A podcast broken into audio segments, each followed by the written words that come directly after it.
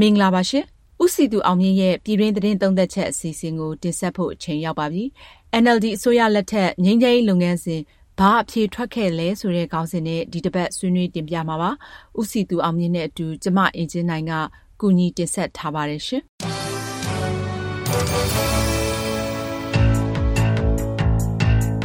အခုဆိုရင် NLD အစိုးရလက်ထက်မှာနောက်ဆုံးဖြစ်ဖွယ်ရှိတဲ့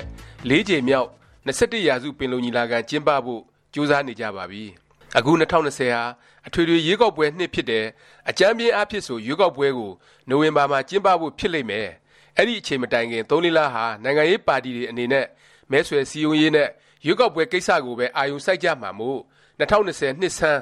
မတ်၊ဧပြီလလောက်အတွင်းအင်န်အယ်လ်ဒီအစိုးရလက်ထက်နောက်ဆုံးတစ်ကြိမ်အဖြစ်ငြိမ်းချမ်းရေးညီလာခံတစ်ခုကျင်းပဖို့သင့်တယ်ဆိုပြီးအစိုးရငြိမ်းချမ်းရေးလုပ်ငန်းအကောင်အထည်ဖော်နေသူတွေဘက်က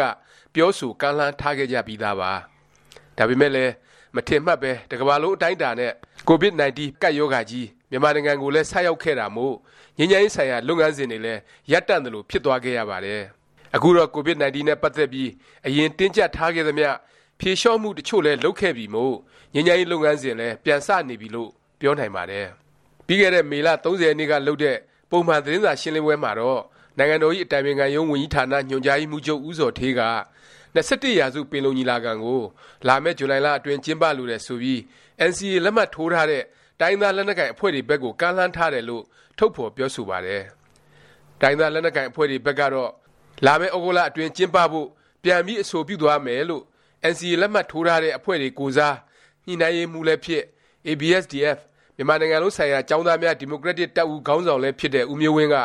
ဇွန်လ10ရက်နေ့မှာသတင်းမီဒီယာတွေကိုပြောထားပါတယ်။ လာမယ့်21ရာစုပင်လုံညီလာခံဟာ NLD အစိုးရကဥဆောင်ကောင်းထဲပေါ်နေတဲ့ငြိမ်းချမ်းရေးလုပ်ငန်းစဉ်ရဲ့နောက်ဆုံးလှုပ်ဆောင်ချက်ဖြစ်မှာမို့အစိုးရသက်တမ်းတစ်ခုစာအတွင်းဆောင်ရွက်ခဲ့တဲ့အခြေအနေအားလုံးကိုအကဲဖြတ်မယ်ဆိုအကဲဖြတ်လို့ရတဲ့အခြေအနေရောက်လာပါပြီ။ဒေါန်ဆန်းစုကြည်ဥဆောင်တဲ့ NLD အစိုးရလက်ထက်ငြိမ်းချမ်းရေးနဲ့ပတ်သက်ပြီးဘလို့အဖြေထွက်ခဲ့တယ်လဲဆိုတာလေ့လာကြည့်ကြရအောင်ပါ။ NLD အစိုးရလက်ထက် နောက်ဆုံးဖြစ်လာမယ့် ၂၁ ရာစုပင်လုံညီလာခံမှာ ပြည်ထောင်စုသဘောတူစာချုပ် အပိုင်း ၃ ကို ချုပ်ဆိုသွားမယ်လို့ ဦးဇော်ဌေးရော၊ဦးမျိုးဝင်းကပါ ထုတ်ဖော်ပြောဆိုထားပါတယ်။အဲဒီစာချုပ်မှာ အပိုင်း ၃ ပိုင်း ပါမယ်လို့လည်း ဆိုကြပါတယ်။အပိုင်း ၁ မှာ NCA အကောင်အထည် ဖော်မှုဆိုင်ရာ သဘောတူညီချက်တွေ ပါဝင်မှာ ဖြစ်ပါတယ်။ဒါဟာ အရင် ညီလာခံ နှစ်ကြိမ်မှာ သဘောတူချုပ်ဆိုပြီးရရှိခဲ့တဲ့အချက်၅၀ကျော်ရဲ့အဆက်ဆိုရင်လည်းမမှားပါဘူး။အပိုင်းမှာတော့၂၀၂၀ပြည့်အလွန်မှာငြိမ်းချမ်းရေးလုပ်ငန်းစဉ်ဆက်လက်အကောင်အထည်ဖော်နိုင်ဖို့အတွက်အဆင့်လိုက်လုပ်ငန်းစဉ်တွေကိုအဆင့်လိုက်အကောင်အထည်ဖော်ကြဖို့ဖြစ်ပါတယ်။ဒီအပိုင်းကိုထည့်သွင်းရတဲ့အကြောင်းရင်းကတော့ရွေးကောက်ပွဲလွန်ကာလမှာ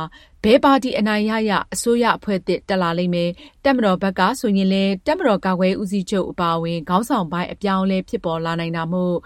နောင်တာဝန်ယူမယ့်သူတွေအနေနဲ့ငြိမ်းချမ်းရေးလုပ်ငန်းစဉ်တွေကိုတစ်ဆက်တစ်ဆက်တည်းဆက်ပြီးအကောင်အထည်ဖော်နိုင်အောင်ဖြစ်ကြောင်းဦးဇော်ဌေးကပြောဆိုထားပါတယ်။အပိုင်း(၃)ကတော့နိုင်ငံတော်အတိုင်ပင်ခံပုဂ္ဂိုလ်ဒေါ်အောင်ဆန်းစုကြည်အဆိုပြုထားတဲ့ဖက်ဒရယ်ပြည်ထောင်စုတည်ဆောက်ရေးဆိုင်ရာအခြေခံမူတွေကိုညှိနှိုင်းထည့်သွင်းချုပ်ဆိုဖို့ဖြစ်တယ်လို့ဆိုပါတယ်။ NLD အစိုးရလက်ထက်နောက်ဆုံးကျင်းပမယ်ဆိုတဲ့ငြိမ်းချမ်းရေးညီလာခံကိုကြည့်ရင်အရေးအကြီးဆုံးကတော့၂၀၂၀ပြည့်အလွန်မှာအစိုးရနဲ့တိုင်းရင်းသားလက်နက်ကိုင် EAO တွေ ဘာတွေဆက်ပြီးလုပ်ကြမလဲ၊ဘယ်လိုအကောင်အထည်ဖော်ကြမလဲဆိုတာကအဓိကဖြစ်နေတာတွေ့နိုင်ပါတယ်။ကျန်တဲ့အရေးလည်းကြီးတစ်ဆို့မှုလည်းဖြစ်နေတဲ့ပြည်ထောင်စုကခွဲမထွက်ရကိစ္စ၊တစ်ခုတည်းသောတပ်မတော်၊လုံခြုံရေးဆိုင်ရာပြန်လည်ပေါင်းစည်းခြင်းစတဲ့ပြသနာတွေနဲ့ပတ်သက်ရင်ညှိနှိုင်းပြီးသဘောတူညီချက်ရချင်လည်းရ၊မရရင်လည်း၂၀၂၀ပြည့်အလွန်ကိုသယ်ဆောင်သွားမယ်ဆိုတဲ့သဘောမျိုးတွေ့မြင်ကြရပါတယ်။တကယ်တော့၂၀၁၅ရွေးကောက်ပွဲအနိုင်ရ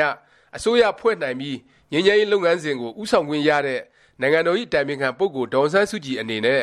တွေ့ဆုံဆွေးနွေးမှုပုံစံအမျိုးမျိုးကနေတဆင့်ငြိမ်းချမ်းရေးညီလာခံတွေကျင်းပမယ်၊အဲဒီညီလာခံတွေမှာရလာတဲ့သဘောတူညီချက်တွေကိုပြည်ထောင်စုလွှတ်တော်မှာအတည်ပြုပြီး၂၀၀၈ဖွဲ့စည်းပုံကိုပြင်ကြမယ်၊အဲဒီပြင်ဆင်ချက်တွေနဲ့အတူဒီမိုကရေစီဖက်ဒရယ်ပြည်ထောင်စုတည်ဆောက်မယ်ဆိုတဲ့လုပ်ငန်းစဉ်ချမှတ်ခဲ့တာပါ။နဂိုက၂၁ရာစုပင်လုံငြိမ်းချမ်းရေးညီလာခံတွေကိုတစ်နှစ်ကို၃ကြိမ်လောက်ကျင်းပမယ်၊၂၀၂၀ရောက်ရင်တော့ ငြိမ်းချမ်းရေးနဲ့ပတ်သက်ပြီးအခြေခံသဘောတူညီချက်တွေရပြီးဖြစ်လိမ့်မယ်ဆိုသည်အထိမျှော်မှန်းခဲ့တာပါ။အဲဒီလိုမျှော်မှန်းထားကြောင်းလည်းအတိအလင်းထုတ်ဖော်ပြောဆိုခဲ့ပါတယ်။ဒါပေမဲ့အစိုးရသက်တမ်းနောက်ဆုံးနှစ်ထဲရောက်လာချိန်အထိ၂၁ရာစုပင်လုံညီလာခံ၃ကြိမ်ပဲလုပ်နိုင်သေးသလို၊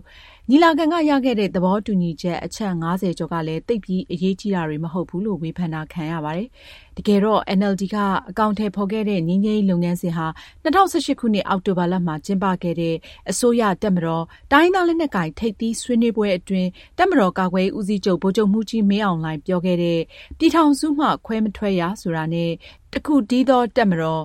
စတဲ့မိန့်ခွန်းကြောင့်နောက်ပိုင်းအကျိုးဆက်တွေအများကြီးဖြစ်ပေါ်ပြီးငြိမ်းချမ်းရေးလုပ်ငန်းစဉ်တွေတိုးတက်မှုမရတာကတော့ဒီကနေ့အချိန်ထိပါပဲ။ဒါကြောင့်အင်န်အယ်လ်ဒီအစိုးရလက်ထက်ငြိမ်းချမ်းရေးဖော်ဆောင်မှုမှာ